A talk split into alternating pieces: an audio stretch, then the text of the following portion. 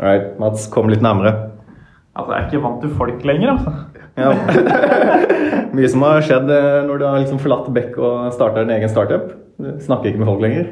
Nei, det er, det er kanskje det som er den største forskjellen. Å ikke ha sitte i et team og ha folk å spare med hver dag. Det er litt ensomt. Men Ja. eh, på, det fordelen er at du får mye flyt. da. Sitter mye i flytsonen. Jobber uavbrutt.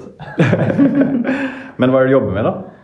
Du, det er en eh, app som heter Mente, altså som å ha noe i mente. Og visjonen er å gi folk mer kvalitetstid. Og måten eh, jeg tenker å gjøre det på, er å bli et slags eh, headspace bare for produktivitet. da, Hvor du kan lære deg altså Det er en to do-app i bunn og grunn, men den lærer deg hvordan du skal bruke lister på en smartere måte, sånn at du faktisk eh, eh, igjen da får mer kvalitetstid til slutt. Det bygger på mange av prinsippene til Getting Things Done for de som kjenner det. At du skal på en måte lære det i appen da, i stedet for å lese en bok eller ta et kurs. Hmm. Så, um, så hvorfor har jeg ikke lansert ennå? Kan du Eh. si litt hvor lenge du har jobba med det først? da? Ja, jeg holdt på Jeg gikk ut i permisjon mars i fjor, da, så det er jo snart et år siden nå. Og da er det mange som lurer på, og noen ganger meg selv òg, inkludert, hvorfor har jeg ikke lansert ennå? Eh, den mest åpenbare grunnen er kanskje at det raskeste jeg har vært med på å lansere i Beck-prosjekter, har jo vært etter tre måneder med et team på fire. Og hvis jeg bare ekstrapolerer det ut, så blir jo det ett år, et årsverk, egentlig. Så sånn sett så tenker jeg at jeg har ikke brukt så lang tid når jeg har gjort alle roller selv. Um, men den andre grunnen til at det ikke er lansert, som vi skal snakke litt om i dag, på hvorfor og når skal man lansere, Vent litt før vi går på den grunnen der. Ja. Er du en av de som tenker at ni kvinner kan produsere ett barn på en måned? Nei. Nei, så Den der sammenligningen med ett år og fire er ikke helt riktig, men den er ikke helt feil heller. Ok, right, right. Nå var punkt to. Ja, punkt to var at uh, jeg har jo også i Beck vært litt holdt presentasjonen ved har ha sagt at uh, hvis du ikke er litt flau av første versjon av produktet ditt, så har du lansert for seint osv. Men du har ikke uh, lyst til å være flau? Jo, jeg tror jeg kan være litt flau, men eh, Eller det er ikke det jeg er kjent på nå, da. Eh, Men jeg snakker litt mot meg selv, for at nå har jeg jo ikke lansert. Men det er verdt for at eh, eh, Jeg tenker at skal man lansere, så må det i hvert fall som et minimum gi verdi for meg, da, eller produktutviklingen som jeg holder på med. Men aller helst også brukerne. Eh, og akkurat nå så gir det ikke verdi for verken brukerne eller for meg og produktutviklingsprosessen å lansere.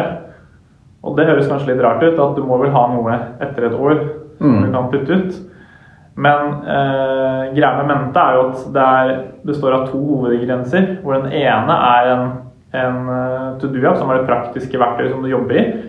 Og så er det den læringsfunksjonaliteten som på en måte lærer deg nye teknikker og måter å bruke lister på.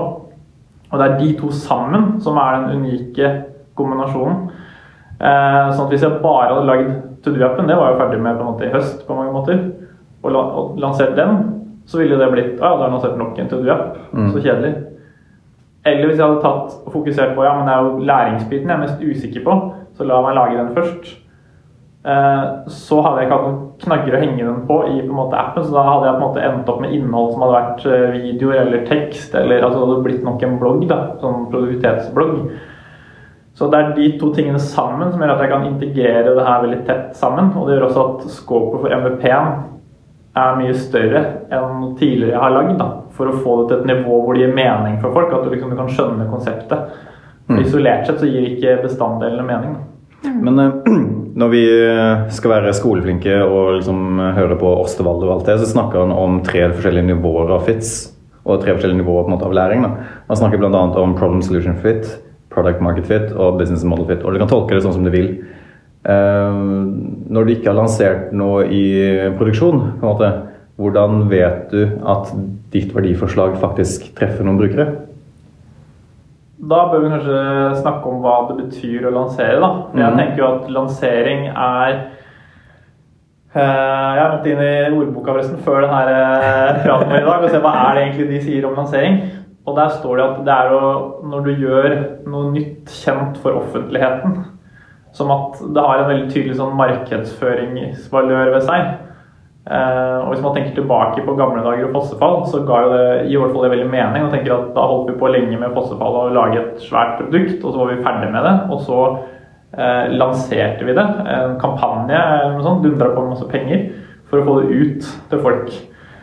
Mens i kontinuerlig produktutvikling, da, så tenker jeg at da er jo det begrepet lansering litt vanskeligere kanskje å definere. fordi jeg tenker jo ikke på at jeg skal gjøre et eksperiment og trenger noen brukere inn. At vi må rekruttere noen brukere for å få trafikk inn til eksperimentet som en lansering.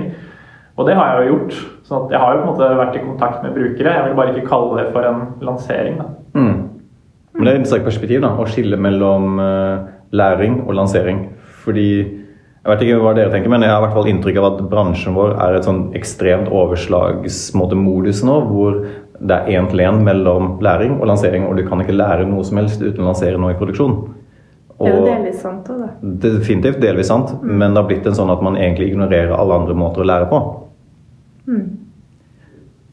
Og jeg tror det er noe der du sier, da, at du kan lære om verdiforslaget ditt gir mening uten å lansere produktet for offentligheten først. Ja, for Jeg må skille det med lansering og produksjonssetting. Ja. Fordi produksjonssetting vil vi jo gjøre så fort som mulig. Og altså I utgangspunktet så vil man jo også lansere så fort som mulig. fordi eh, altså, kode som ikke er i produksjon, er jo på en måte verdiløst. Så det har jo ikke noe verdi. Men det kan jo, du kan jo fint putte også kode i produksjon som er helt verdiløst. på en måte, Både for brukerne og for deg selv. Som er altfor tidlig da, til å gi noe som helst verdi. Ja, jeg har et spørsmål. Fordi du sa ja, at eh, den to do-delen av appen din egentlig var ferdig i høst. Og det er jo en viktig grunnbit av tjenesten eller produktet. Vurderte da å teste den uten å på en måte gi noe lovnad om det andre verdiforslaget om læring? Egentlig ikke, for jeg tenker at uh, det finnes uh, veldig mange, altså det finnes sikkert tusenvis av do-apper. Og som er bedre også, i sånn, har mer funksjonalitet. Og med gjennomført, altså to-doist og things osv. som har holdt på store team i lang tid. De er mye mer polert enn jeg klarer å være. Så det er jo ikke noen grunn, med mindre du er spesielt interessert, da, til at du skulle ha brukt egentlig min eh, versjon tidlig i høst. Det måtte vært for at du kjente meg og ville støtte meg, f.eks. Så det er jo hyggelig, det. selvfølgelig. Men, eh, men den innsikten hadde gitt meg, hadde i så fall vært at å, jeg har klart å lage en, en nok En to-do-app, på en måte. Ja. Ja. Og det har jeg tenkt at det er ikke verdifull nok innsikt. For du får også overhead ved å putte noe ut. ikke sant? Da får du en sånn, da får jeg feedback. Og så må jeg begynne å prosessere feedback som kanskje ikke er relevant engang. Eh, som er sånn der, Ja, bruke feedback, ja. Irrelevant bruke feedback. Det er det verste. Det vil man ikke ha. Får jo feedback. Men hva, det er jo et sånt spørsmål man bruker å stille av og til, at hva er det minste du kan gjøre for å teste den mest risikable hypotesen? Og det er jo sikkert noe du har tenkt på. Hva er det minste du kan gjøre for å teste det her med den læringa folk skal gjøre i, i appen? Ja, altså jeg testa jo innledningsvis eh, på en måte skal si, verdiforslaget. Og på en måte en slags tidlig versjon av konseptet. Hvor jeg hadde på en måte prototype og på en måte kunne få feedback på det fra folk. Så det var en sånn tidlig form for testing. eh, hvor jeg fikk veldig masse nyttig feedback. Men det å faktisk, eh, sånn som her, da, hvor du skal endre atferd, egentlig Hvor du Altså Hvis du tar i bruk de tingene som Mente lærer deg, så vil du jo gjøre ting på en annen måte. Du vil jobbe med egentlig livet ditt og lister på en annen måte. Og det er jo ikke noe du um, hva skal Jeg si, jeg tror det er vanskelig å få svar på i en sånn derre Hvis du stiller brukeren spørsmål, eller du på en måte rigger en teststasjon nå, da, for den del, og på en måte skal be de gjøre et eller annet. Fordi det er noe som du trenger små drypp over tid, for du skal bygge vaner. Sånn at det er veldig sånn atferdsbasert. Og da har jeg egentlig konkludert med at skal jeg få liksom reelle tilbakemeldinger på det stadiet er nå, da, så må jeg faktisk få det minste altså Det jeg vil definere som en MVP, ut, sånn at folk kan bruke det, og jeg kan se om det faktisk fungerer eller ikke.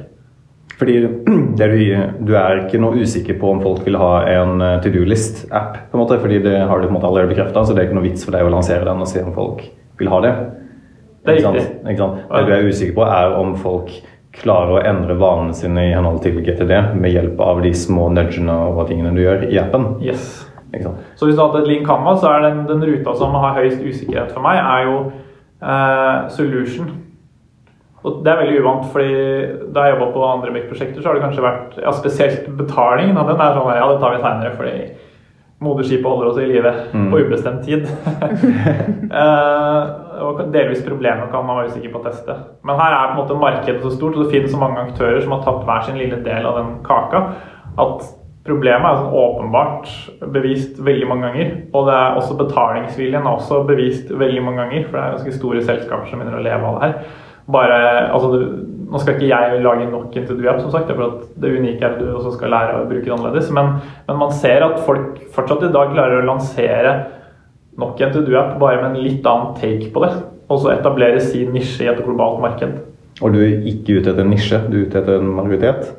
Jeg er ute etter en eh, nisje, jeg også, tror jeg. For jeg tror ikke man klarer å ta en veldig stor del av det markedet. Og folk jobber såpass forskjellig, og folk er liksom forskjellige personlighetstyper. og har forskjellige tilnærminger til livet sitt. Altså, det er noen som får bakoversveis bare å tenke på at oi, skal jeg liksom ha kalle livet mitt i lister? Mens andre syns det er veldig behagelig å liksom ha struktur og orden. Så eh, Derfor så tror jeg jeg må rette meg mot den nisjen. Mm. Hvem med den nisjen, eller hvordan vet du hvilken nisje det er før du går ut i markedet? Hvordan vet du hvem du designer for? Jeg har kalt de de latente, eh, og med det mener jeg at de har eh, Eller du har de som på en måte kan være superstressa og ha kaos og ikke orden og struktur i livet og alt sliter med å få dagene til å gå opp. Og som på en måte tenker at ja, men sånn er livet, og eh, dagene går nå likevel. og altså, Det ordner seg alltids, på en måte. De er på en måte ikke ute etter en løsning, ikke sikkert er så veldig bevisst på problemet heller. Og så har du neste steg, som er liksom, som er kanskje er bevisst på jeg har det her problemet.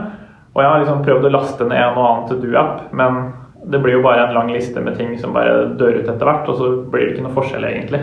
Det hjelper der og da, men så dør det ut. Eh, og så har du i hvert fall andre helt ytterpunkt igjen, og de som er kanskje sånn produktivitetseksperter eller GTD-folk, som da har gjort masse teori og implementert det her i praksis i appen sin. Så den målgruppa jeg ønsker å ta, er jo de i midten, som på en måte, ja, de vet at de har kjenner på problemet, men de har ikke kommet engang, gang, for de faller av når de skal prøve å altså De orker ikke å sitte og lese bøker eller se på lange kurs på nett for å liksom lære seg tingene. De vil ha det mer liksom chunks da, og i kontekst, hvor du kan gjøre det praktisk og ikke bare lese om. Så det jeg hører, er at eh, du har en veldig tydelig idé om målgruppa di, og du har en veldig tydelig idé om verdiforslaget ditt. Og du har bygd eh, et halvt produkt hittil som er eh, ganske likt det som allerede finnes der ute. Og dersom du lanserer det produktet, så lærer du egentlig ingenting nytt, fordi det finnes allerede tilsvarende produkter.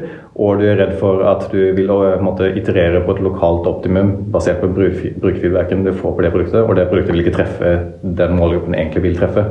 Nei. Ikke? Så dermed for deg så er lansering når det er riktig å lansere, er ikke nå. Fordi verdiforslaget ditt ligger lenger frem i tid. Du klarer ikke på en måte presentere det verdiforslaget enda. Jeg klarer ikke å levere på verdiforslag egentlig til brukerne enda, da. Nei, ikke sant? Mm. Da har du heller ikke noen mulighet til å måle Nei. ting. Ikke sant? Det Du oppnår det du ønsker. Men du toucher innom et annet tema som jeg har lyst til å snakke om senere, er merkevare. Og hvordan dette påvirker forståelsen i forbindelse med lansering. Men det tar vi nå.